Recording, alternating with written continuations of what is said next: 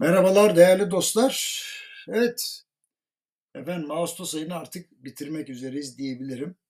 Şimdi eee, şöyle bir sizinle durum değerlendirmesi yapayım. O da şu. Ekonomide veya hadi ekonomiyi de bırakalım. Futbolda sadece defans yaparak mesela kazanabilir miyiz diye. Yani Yunanistan bir denedi biliyorsunuz. Yani sırf defans yaparak bir Avrupa şampiyonu oldu. Ama artık günümüzün futbolunda mümkün değil. Günümüzün ekonomilerinde de sürekli kaleye girmekte olan topu kurtararak da bir maçı kazanmak çok mümkün değil. Şimdi defans önemli tabii o ayrı mesele ama orta saha, gol bölgesi falan bunlar hep kazanmak üzerine kurgulanır. Dolayısıyla şunu unutmayalım Merkez Bankası bütün ekonominin sadece defans bölgesini oluşturur. Ha şimdi. Dolayısıyla şöyle diyeyim size, ekonomi büyürken ve gelişirken Merkez Bankası ülkenin gol yememesi için sağlam durur. Bazen risk alır, siyasi de risk alır. Gol atacak olanlar için defanstan topu çıkarır, uygun yerlere servis eder vesaire. Ekonomi yönetiminin de siyaset tarafı yani bakanlar vesaire orta sahayı oluşturur. Golü kim atar biliyor musunuz? Bizler atarız. Yani vatandaşlar, üreticiler, çalışanlar vesaire vesaire. Yani siyasi irade ne yapar? Teknik direktörler e, teknik direktörlük yaparken e, bir strateji oluşturur. Yani sonuçta sadece bir maçı kazanmak değil, şampiyon olmak önemli.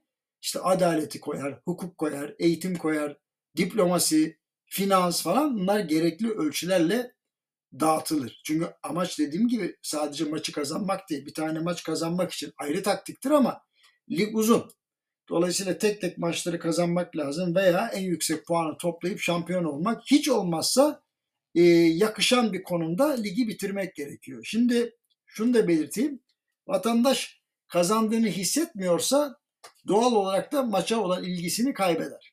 Şimdi son yıllarda Türkiye ekonomisi ara sıra tek gollü galibiyetler al ama genelde 5 gol atıp 6 gol yiyen bir görünümde. Çok fazla gol olması elbette seyir zevki verir, seyirciyi de oyalar ama Şimdi maçı kazanamayınca hani bizim bazı başkanlarımız var ya onlar spor kulüplerinde suçu hakeme atar, federasyona atar, o da olmadı taraftarı atar, taraftarı bitirir, oyunculara suçu atar. Dolayısıyla çok sık teknik değiş, teknik direktör değiştiren işte e, başarılar işte nadir ortaya çıkan başarılar üzerinden hemen güzel günler yakın edebiyatı yapan kulüp başkanları gibi yola devam etmemek lazım. Büyük ihtimalle Türk sporunun başkanları da ülkemizin kadim siyasetinden örnek alıyor. Şimdi yeni Merkez Bankası yönetimi iyi defans yapıyor. Bu kabul. Kurtardığı topu da orta sahaya servis ediyor. Yani e, ekonominin siyasetçilerine. Ama orta saha ile gol bölgesi arasında uyumsuzluk var. Çünkü iki taraf farklı taktikle maça çıkmışlar. Gol bölgesindeki oyuncularla orta saha arasında çok fazla mesafe var Orta sahanın gönderdiği topu kimse alamıyor. Çünkü kimse yok orada. Golcüler benim istediğim gibi topu gönder diyor. Orta saha diyor ki kardeşim eldeki şartlarla en iyisi bu. Sen benim attığım yere koş diyor falan. Şimdi açıkçası az gol yemeye çalışarak, az maç kazanarak da lige devam edilmez. Mutlaka stratejiyi eldeki şartlarla tekrar tasarlamak lazım. Düşünceye sınır koymadan ama. Düşünceye sınır koyarsan o zaman ne olur?